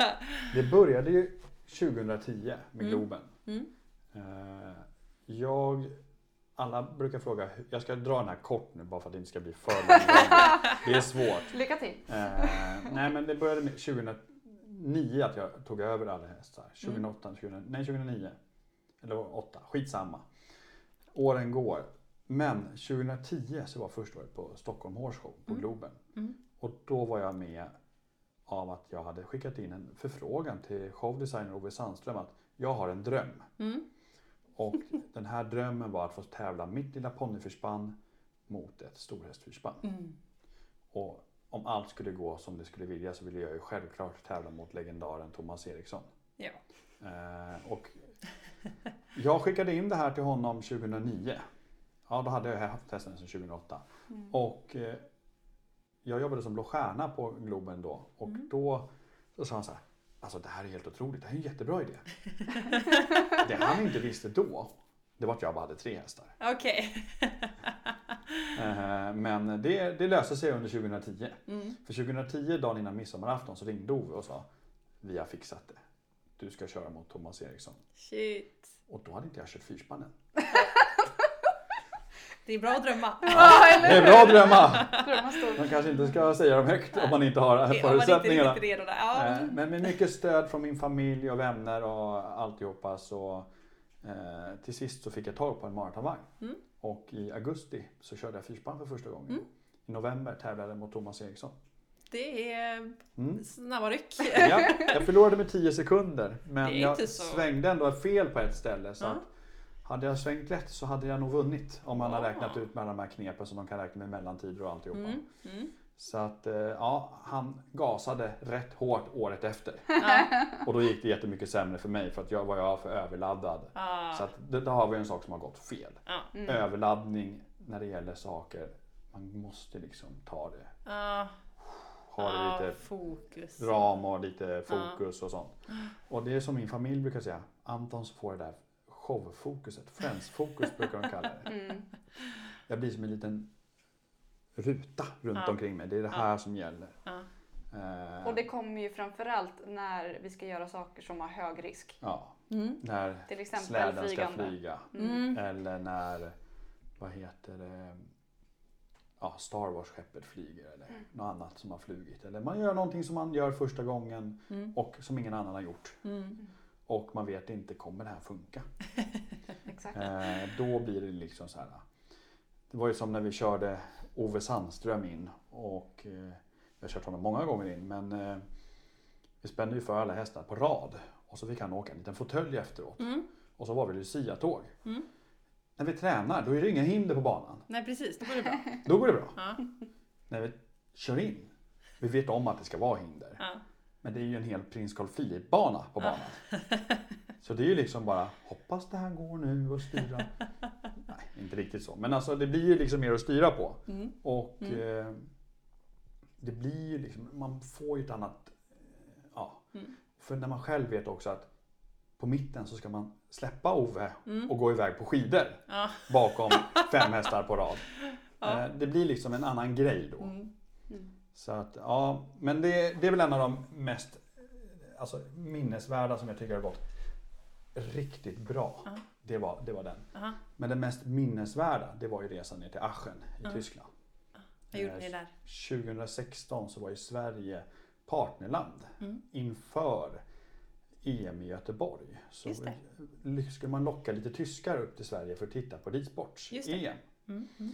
Och då var Sverige partnerland i Tyskland och Sverige var nerbjudet med att eh, då delta på deras invigningsceremoni. Aschen Aachen räknas ju som världens största hästtävling utomhus och eh, den som anordnas årligen. Och vi blev då nerbjudna med hjälp av Ove Sandström att få delta. Så vi fick en lång resa ner till Tyskland Mm. med hästar och alltihopa. Punktering på vägen och Oj. alltihopa. Så det var en lång minnesvärd resa. Ja. Eh, som vart jätteuppskattad av både tyskar och svenska delegationen och alltihopa. Mm. Och mycket kul hade vi på resan. Sen så var det så att allt skulle ju upprepas Mm. under EM-invigningen på Ullevi. Mm. Mm. Och Mm. det är väl en sak som man säger så här, ja. Det, får, det är nog en sak man är med en gång om i livet. Det är Ullevi. Mm. När den är full, fullsatt. Ja. Eh, Det är, alltså, ja den är inte fullsatt som på en Håkan Hellström-konsert för då Mm. fyller han ju hela varvet runt och så Just. lite till. ja. Men den är fullsatt på det sättet som den var fullsatt då. Precis, det är ändå max av vad man kan få komma in på liksom. Ja men alltså det var Mm. max på vad man kunde få in på det eventet eftersom Ja. de hade spärrat av halva Precis. arenan för att det var för stort att använda hela. Precis. Eh, Men det var liksom så här, det var, det var en wow-upplevelse. Ja.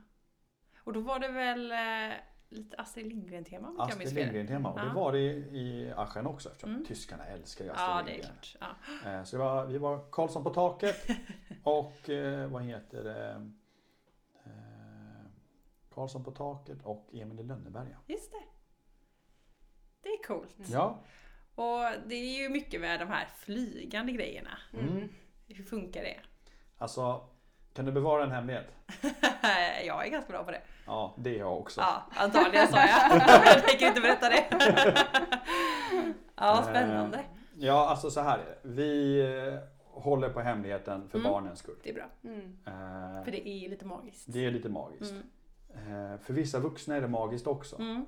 Och det tycker vi är kul. Och det är så här, hur Ja, hur funkar Hur det? funkar det? Eh, listar man ut det, grattis! Ja, bra för dig. Eh, bra för dig, kul för dig. Eh, men det är för barnens skull. Just det. Eh, avslöja det inte för barnen. Mm. Håll det för dig själv. Mm. Eh, självklart så eh, finns det många olika teorier. Mm. Vi har allt från att det är vajrar i taket till att det är jetmaskiner som lyfter den och det är magi. så att det är liksom... Men det är ju magi. Det är magi. Mm. Ja, Mm. Det. Eller vajrar i taket. Det Eller? liksom. Eller svävande stenar. Ja. Ja. visst, jag köper det. Mm, mm, mm. Elektromagneter som trycker emot varandra. Det Precis. finns många olika eh, sätt så. att göra, Ja. lösa det här på. Mm. Ja. Eh, men det, det är häftigt och det har ju varit många, det måste vara jättekul att göra de här showerna. Det är väldigt kul. Det är väldigt intensivt men det är Mm. väldigt kul. Ja. Man jobbar dag och natt. Inte bara där och då. Mm. Nej, Utan precis. inför och Ja. efter. Ja. Eh, mycket sker ju nattetid. Mm. För att våra shownummer är ju hemliga. Mm. Eh, de är hemliga fram till genrep. Mm. Eh, och för att ingen ska se eller lyckas Ja, smygfilma ska eller någon ja. ska, att det ska börja spridas vad vi ska göra så tränar vi på natten. Alltså Mm. social media. Allt är jättebra med social media för att sprida eh, saker. Men saker man vill ha hemligt inför att det ska vara premiär. Mm. Då är social media väldigt Ja. Farligt. farligt. Ja, jobbigt. Mm, mm, mm. Ehm, Så att vad heter det? Därför har vi valt att träna på natten för då är Mm. också arenan ledig. Precis. Ehm, Men det är att vi har ju några träningar på dagtid. Mm. Men då brukar vi inte koppla för flygande precis. släden. Mm. Ehm, För det blir så mycket vajrar som ska kopplas. och Ja. Det, liksom, Ja.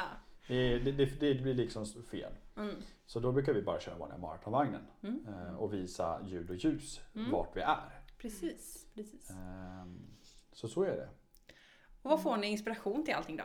Det har varit ganska mycket spännande grejer. Som sagt, eh, släde, tomte på skidor, eh, Ja. Star Wars Ja. och Karlsson på taket och allt. Jag kan, jag kan säga att, att leva med Anton, det är ju inte en enda tråkig dag i Nej. livet. Det är så va? Eh, helt plötsligt när man sitter och kör bil eller äter middag, han öppnar en låda och ska ta ut en gaffel, då kommer han på någonting och så bara poppar det upp. Så var det ju lite grann med surfen. Mm. Mm. Eh, vi kan komma tillbaka till den sen. Eh, nej men jag har ju en kreativ hjärna. Mm. Eh, men i början så var det inte min hjärna som jobbade. Det är många som tror att det är jag som har kommit på allt. Mm. Vi får faktiskt inte glömma en person i det här. Mm. Och han heter Ove Sandström. Mm. Eh, Ove Sandström har en magisk hjärna. Alltså, och vi får inte glömma Lalla i det här heller. Nej. Alltså Ove och Lalla de har magiska hjärnor. Eh, Ove har ju en kreatörshjärna av Mm. dess like. Alltså hur ska man annars kunna göra alla Abbas eh, scenkostymer? Precis. Eh, det är liksom bara det. Så där är det ju, det är där det har börjat. Tryckts Mm. in lite så här. Mm. Ja men kan du göra, kan man liksom så här, ja men om vi gör lite så eller om vi gör lite så. Det var, från början var det bara i att jag körde en vagn och så hade han bestämt vad som skulle vara på den vagnen. Mm. Sen i slutet så började det bli så här.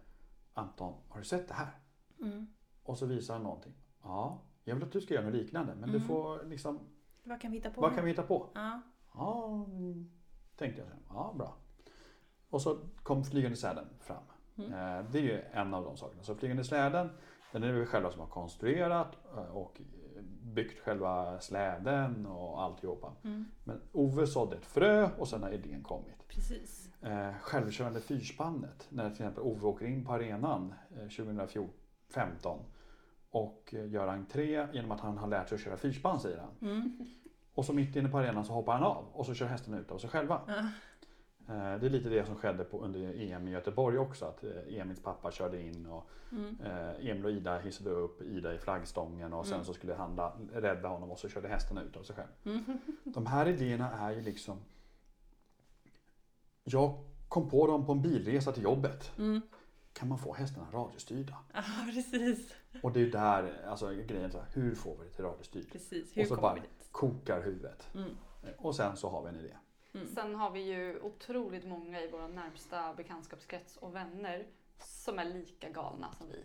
Och det... Som hakar på alla som idéer hakar på och kastar lite bensin på elden och Mm. sen så är det i full gång. Mm. Men det är ju så, man lär ju känna likasinnande Ja. när man umgås med likasinnade. ja. Ja. Eh, våran nära vän Micke, han var ju pyrotekniker Mm. under alla år på Globen. Mm. Så det är han som har gjort alla de här specialeffekterna. ni vet Pegasus som galopperar i taket och Ja. det är han som har upp, alltså inte uppfunnit Ah. lasern men han har uppfunnit Han har skapat det. skapat det. Mm. Hästhovarna som går i arenan och du vet, det kommer vatten. Mm. Det, det är han som har liksom varit med och designat det. Eller Mm. laserhindret som eh, Helena Persson hoppade inne på Mm. arenan. Det var ett hinder med bara laserstrålar. De trodde inte att hästen skulle hoppa. Mm. Men med lite rök och lite laser så hoppade Så hästen det. helt tomt hinder. Ah. Ja, det är, Alltså det, det, Det är var, lite det, var, gåshud faktiskt. det var liksom Ja. gåshud på hela läktaren. Ja. Ehm, och då kommer vi in till det här, hur tränar vi hästarna? Precis. Det vet jag att det är din nästa fråga. Ja, för det har kommit lite lyssnarfrågor kring det här. Lyssnare som har sett er hitta Mm. på och funderat på det där kan ju inte min göra. Nej. Hur tränar man? Ja, det gäller ju att ha tillgång till utrustning. Just det. Till en början så hade inte vi rökmaskiner. Jo, jag köpte en rökmaskin till min lilla shetlandsponny i gymnasiet. Vi hade ett projektarbete för att miljöträna. Ja. Så det började redan där. Mm. Men den rökmaskinen har inte eh, levt efter det. Nej, nej. Eh, den är mer isärplockad än hel. Eh, eh, Men alltså det är så att med det här att man för in en sak, en sak i taget. Mm. Att man inte börjar med allt på en Just gång. det. Mm. Det är väldigt viktigt. Vi började inte med elverk och rökmaskiner bredvid hästen första dagen. Utan man börjar med successivt in. Eh, första året när vi hade rök och hästar så körde vi en rökmaskin och vi gjorde den med så här batteriomvandlare så det blev stark ström. Mm. Och så hade vi liksom så. Och den rökmaskinen visste hästarna inte riktigt vart den var så de såg inte var röken kom. Mm. Utan röken kom. Mm. Men det var liksom ingen eh, mer än att röken kom och de visste inte var den kom ifrån. Mm. Den var inte obehaglig för den luktar ju inte, det är ju vanlig diskotekrök. Ja. Så den luktar ju inte, den luktar inte eld, den luktar Mm. inte brand, den luktar dimma. Ja, precis. Och precis. dimman är man ju van med ute i hagen när det är dimmigt ute. Ja. Och eh, en sommarmorgon, en kall sommarmorgon, då är det dimma ute. Och de är, Japp. har ju gått på lösdrift alla år så jag tänkte att det är ju inte så farligt. Mm. Så att liksom, då bygger man in ett moment i taget. Så Mm. att när det fungerar så är det så att man får väva in lite i taget. Mm. Eh, när man då har hästar som inte kan någonting. Just det. Nu har vi ju gjort förarbetet. Just så nu tar vi den Mm. hästen som känner sig bäst lämpad för uppdraget. Just det.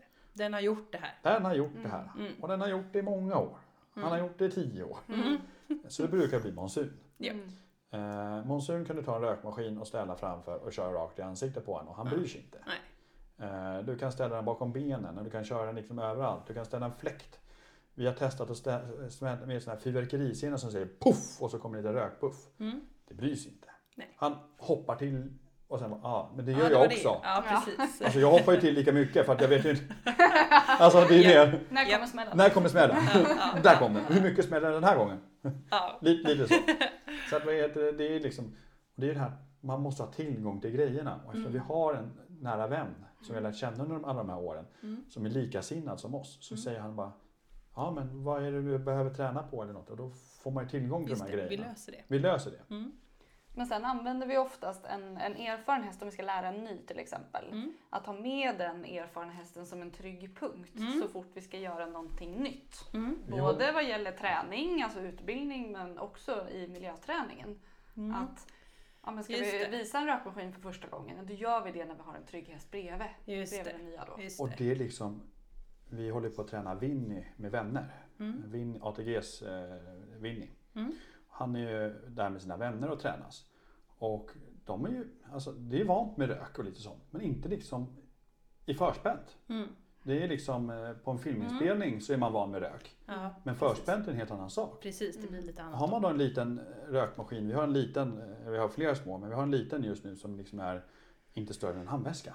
Perfekt. Har man den liksom och bara kör lite försiktigt en puff och den nya hästen hoppar till men den andra helt bara står. Ja, precis. Då blir det här lugnet. För den nya såhär, shit det är farligt nu. Och andra bara, nej, ta det lugnt. Ja, Exakt. och, Nu alltså, bor du här. ja, ja, men liksom, det är lugnt, jag är här. Mm. Ja, Och ja. är det så att det är så, då är det liksom inga... Då bygger Mm. man på en puff till Precis. och så en puff till. Mm. Eh, Så att det är liksom sakta men säkert bygger vi upp. Mm. Och fyrverkerierna på skidorna, de har vi inte ens övat på. Vi bara satte dit. Och det gick. Det gick. Ja. Eh, De smällde av i, eh, nere i eh, några gånger för att vi hade fel antändningsknapp nere på precis innan vi skulle köra in en gång. Oj, ja. Vi- har ju så här mm, elektrotändare på dem så att de liksom ska gå och trycka på en knapp och Mm, tända. så nu. Nu tänds de. Mm. Så man kan styra liksom att det är nu de ska tändas. Men då hade jag köpt fel knapp. Eh, och eh, då smällde de av nere i stallet istället. Eller Ja. alltså precis innan entrén, inte i stallet utan i liksom entrén. Mm. Eh, så att det är liksom, och då gäller det att ens hästar är beredda på det där också. Mm. För det smattrar till lite när de där tänds. Ja, precis. Mm. Tittar de bak, vad fasen gör han nu? Ja, Ja, de, ser, de ser ju inte så mycket bakåt på grund av skygglapparna. Ja, Och det är ju lite eh, skyddande verkstad. ja precis. Händer något där. Ja, Ja. det är han igen. Ja. Och är igång. Ja, det, det, det är det där nu igen. Ja. Men sen är det så att musiken går inne på arenan, de vet om när de taggar till. Mm. Nu är det liksom Mm. framåt. Mm. Sen en sak vi fuskar med, eller fusk och fusk. Men vi tipsar alla nya Mm. öronproppar. Ja, det är bra grejer. Mm. Ska du in på en arena Mm. och göra någonting som du känner att öronproppar. Du behöver ropa lite högre på hästarna när du väl ska in. Mm. Men där inne så Mm. de får ett annat fokus. Ja.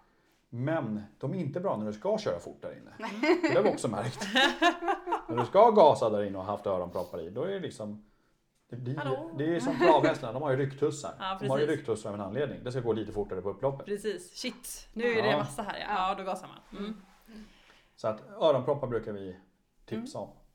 Det är jättebra tips eh, på, i många situationer tror jag. Ja. Faktiskt. Ja. Eh, vi vet ju att eh, polishäst, polisrytteriet, de driver med öronproppar varje dag. Mm. Jag tror, alltså travet har det mycket. Ja. Eh, polishästarna här då. Och jag Mm. tror att om man tänker den vanliga ridvärlden, om man gör Mm. sådana snuffvärden, de är lite dåliga på det. Det Ja. känns Mm. lite fult eller lite Mm. du, så här, man, man har inte använt det. Men bara en sån här sak att lasta och Mm. åka, det kanske är Mm. jätteskönt. Ja. Att bara få det lite lugnt för sig själv när man är häst. Liksom. Ja, precis. kan vara dagens tips kanske. Ja, Ja, dagens tips, öronproppar när Mm. det är lite ljudligt nivå. ja Testa. verkligen. Vad är roligast då? Tävla sportkörning eller göra shower? När man får kombinera det. alltså, det finns ju ibland att man får tävla sportkörning eller köra maraton eller Mm. show samtidigt. Mhm. Det kan inte vara jättemånga tillfällen. Nej. Men det har Eh, hänt. Sweden Horse Show har ju hänt på några gånger. Ja. Att man får till exempel, vi har varit in- var inne och visat Fyrsbandsbanan. Just det. Det är ju en ärofylld Ja, uppdrag. verkligen. Mm. att inte riva och liksom ändå visa att vi kan. Ja, precis. Och lite spexa. Lite spex, lite Mm. snabbt. Mm. Eh, vi har ju blivit nerbjudna till till exempel när det var en tävling nere på ribban. Mm. Eh, när det var en internationell tävling på ribban. Shetlandsponny får ju inte tävla internationellt, det är den enda nackdelen. Mm. Men då var vi nerbjudna för att få, liksom, vi, få lite fyrspann på tävlingen. Just det. Så då körde vi show fast maraton. Och då är det bara att köra, för då har man ju inget att förlora. Nej, precis. Eh, Det gör så ju det, ingenting. det är ju det roliga. Men alltså själva kombinationen med att man kan göra lite här och lite där och lite överallt. Det är ju det som är det roligaste. Mm. Mm. Alla frågar när ska du byta upp dig? Och jag bara, ja men då kan man inte göra den här kombinationen. Nej. Nej, det är klart. Har man en shettis på inte så många kilo jämfört med en jättehäst på 600 Ja. kilo. Det, man kan inte riktigt hantera dem på samma sätt. Nej, Nej. det räcker ju med att de säger så här, ja, men det räcker med då att du byter upp, för då säger de, det räcker med att du byter upp dig till B-ponnyer. Mm. Då kan du ju, ja men Ja visst, det går att träna en B-ponny till att eh, köra flygande släde. Men det är, det är en charm med shettisar Mm. också. Ja, och framförallt så hela varumärket Ponyexpressen det är ju svarta stjärtans Precis. Det vore konstigt om vi helt Mm. plötsligt skulle köpa welshar och... Eller hur? Ja, nej. Ja. Då får Skulle man göra något annat. Då får, det Då- bli, då då, blir- får det, då får det bli som jag har haft tidigare, Team Anton Lundström. Precis. Alltså Ja. sportkörning. Ja. Precis. Eller ponnytaxin eller vad som Ja, Ett nytt varumärke. ett nytt varumärke, ponnytaxi. Ponytaxi. Precis. Mm. Men ni har liksom ett färdigt fyrspann. Eh, Jag Mm. vet att ni har massa mål och tankar. Är tankarna kanske att skapa ett till? Eller? Ja, alltså problemet nu är ju att vi slåss lite om hästarna. Ja precis, jag förstår ju det när jag pratar med er. Ja, eh, och vi har ju sju nu. Så att Mm. en till kanske vore lämpligt. Mm. Alltså vi räknar ju på hur många får vi in i bussen? Ja, precis. exakt. Det är snarare det som är problemet just nu. Just det. Så nu börjar vi prata om att stapla vagnar på varandra för att få in Just mer det. Bygga hästar. någon slags hiss. eh. Ja. Ja, De är ändå ganska små hästarna. Så Ja. Alltså, det, vi, har, fördel. vi har ju en buss som är byggd för sju storhästar. mm. mm, Så att vi har ju plats med sju shetlandsponnyer för tillfället i bussen. Mm. Och vagn. vagn. Mm. Och sen får man ha släp för vagn. Just det. Men eh, det är ju, målet är väl att ha två spann. Mm. Att man ska kunna ha inte ett spann för tävling och ett spann för show. Mm. Utan man ska kunna ha mixa alltihopa för att göra det bästa av det bästa. Precis. Även fast man är superduktig på tävling men man är också en klippa i show. Mm. Det är ju liksom, Mm. då ska man kunna använda dem till båda. Eh, vill Sara köra en tävling och vi har ett showuppdrag. Precis. Då ska vi kunna göra tävlingen. Då kanske man fokuserar tävlingen med de som då är lite mer tävlingsinriktade Mm. än att man tar de som är gamla i gamet och älskar att göra show. Mm. För Monsun kommer ju pensioneras mer och mer till att Just inte det. gå tävlingarna. Precis. Och det är skillnad att starta en tävling och att göra en show. Ja. Verkligen. För Alltså, orken för hästen. konditionsmässigt så är det stor skillnad Mm. på att köra en sportkörningstävling, svår klass, än att göra en eh, show. Mm. Det är stor fysisk påverkan när man Mm. ska dra ett in full galopp i arenan. Mm. Man ska ha mig hängandes bak på skidor för det Mm. blir lite friktion. Mm. Men, eh, eller om man ska visa fyrspannsbanan. Men då är det så här, ska man visa fyrspannsbanan eller ska man ha stor och liten? Mm. Mm. Då går det lika gärna att använda tävlingsspandelen till det. Precis, precis. Vi får se helt enkelt vad Ja, det blir. se. Men eh, mer uppdrag såklart om någon behöver vila och sådär. Det är ju Mm. jättekul. Ja, Det är skönt, och, skönt att ha lite reserver också. Ja, exakt. Att man inte är häst. beroende av sina fyra som man har utan att vi har lite reserver Mm. att plocka av. Och kunna välja. Den här veckan känns den här hästen bäst för det här. Ja men bra, då tar Mm. vi den. liksom. Precis. Så. Vi hade ju ett tag när det var lite ont om hästar. Mm. Mm. När man hade fem hästar som gjorde show. Mm. Men man hade sju hästar. Mm. Men det var bara fem som klarade av att göra show. Eller nej, det var bara fyra som klarade av att göra show. för Hercules gjorde inte show för han var lite för het för det. Okej. Även fast han var gammal. Eh, och så fel färg. Mm. För när man gör show då vill man gärna ha enhetliga. Ja, och det vill man i dressyren också. För att annars så står det domaren Ja, höger förlöpare eh, utmärker sig lite för mycket. Mm. Eh, och då är det för att han är skäck och då ser man ju lite annat. Ja, precis. Eh, men så då, är det liksom, då hade vi liksom bara eh, fyra egentligen som kunde. Så då var de tvungna att panikträna in en häst. och den känslan när man är bokad på ett uppdrag Ja, det är inte heller det optimalt. är Nej. inte optimalt. Nej, Så Nej. därför har vi, det är därför vi har ökat upp hästantalet. Ja. spännande. När det blir fler och fler saker bokade då måste man Mm. vara mer, mer förutsedd. Mm. Och sen gör ni ju lite lugna saker också. Typ bröllopskörningar. Ja, Mm. Och det är så roligt. Det är så va? Ja. Alltså, när jag får fråga så här, vad är det roligaste? Jo, alltså det spelar ingen roll vad vi gör. Mm. För att reaktionerna på de vi möter, Mm. eh, oavsett om vi går in i en fullsatt arena och möter publiken, eller vi kommer med ett bröllopspar Mm. som kanske är en överraskning, gästerna vet ingenting. Ja. Eh, eller som igår, jag och min mamma vi var ute och motionskörde hemma i Gnesta och Mm. möter barnfamiljer och de får Ja. klappa och alla blir så otroligt glada. Mm. Och det gör ju att man blir på väldigt gott humör Mm. vad du än liksom pysslar med. Precis. Även om du är på Friends och har jobbat dygnet runt och sovit kanske två timmar per natt för Mm. att det är så mycket jobb. Mm. Så är du ändå så glad, du är så uppfylld av allting du möts av.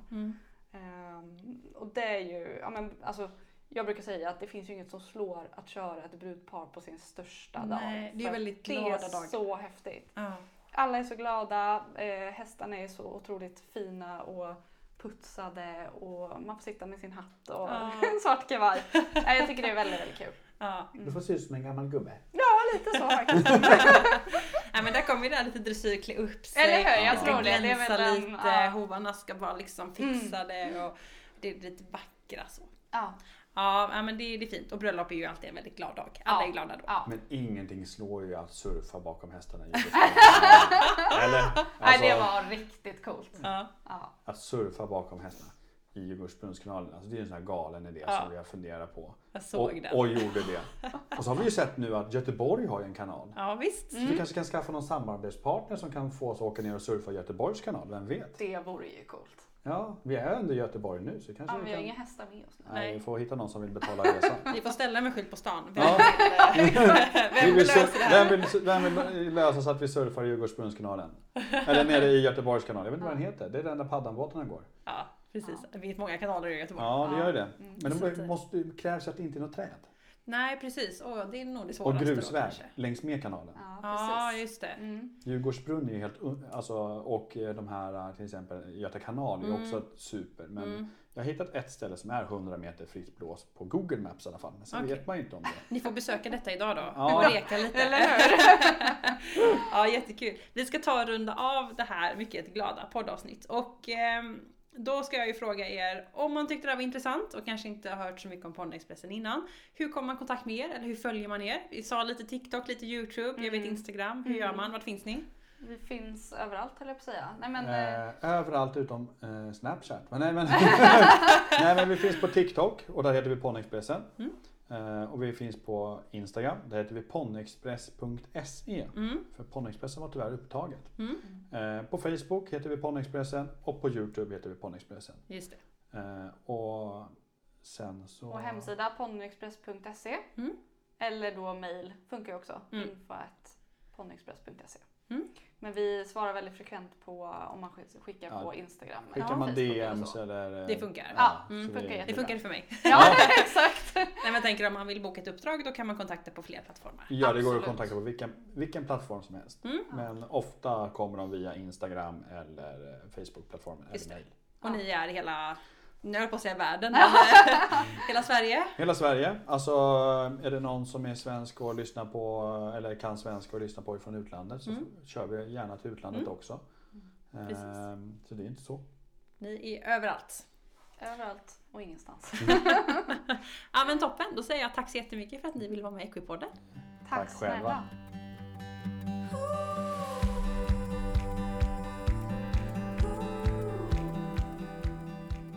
Vilket härligt positivt avsnitt. Man blir ju inte mer än taggad och glad när man får lyssna på Sara och Anton. Så himla bra. Tack så jättemycket för att ni vill vara med i Equipodden. Missa inte att följa dem överallt nu där de finns så ni inte missar deras väldigt roliga upptåg. Eh, jag skrattar alltid när det är något roligt som de hittar på. Följ också Equipodden på sociala medier, Facebook och Instagram är det som gäller så att du inte missar några nyheter från podden också. Jag har sagt det igen, lämna gärna ett omdöme just där du har lyssnat så att fler kan hitta till podden. Har du några frågor så är det bara att höra av dig till mig. Jag finns ju på sociala medier och också på mail och då är det equipodden gmail.com. Nästa vecka då är det ett, eh, ja, men en populär gäst för Vivica från Svensk Hästrehab är tillbaka och vi pratar equiband. Vi har pratat om det innan men nu ska vi in lite mer på djupet så missa inte det kommer nästa onsdag. Och så länge får ni ha det så himla bra. Hej då!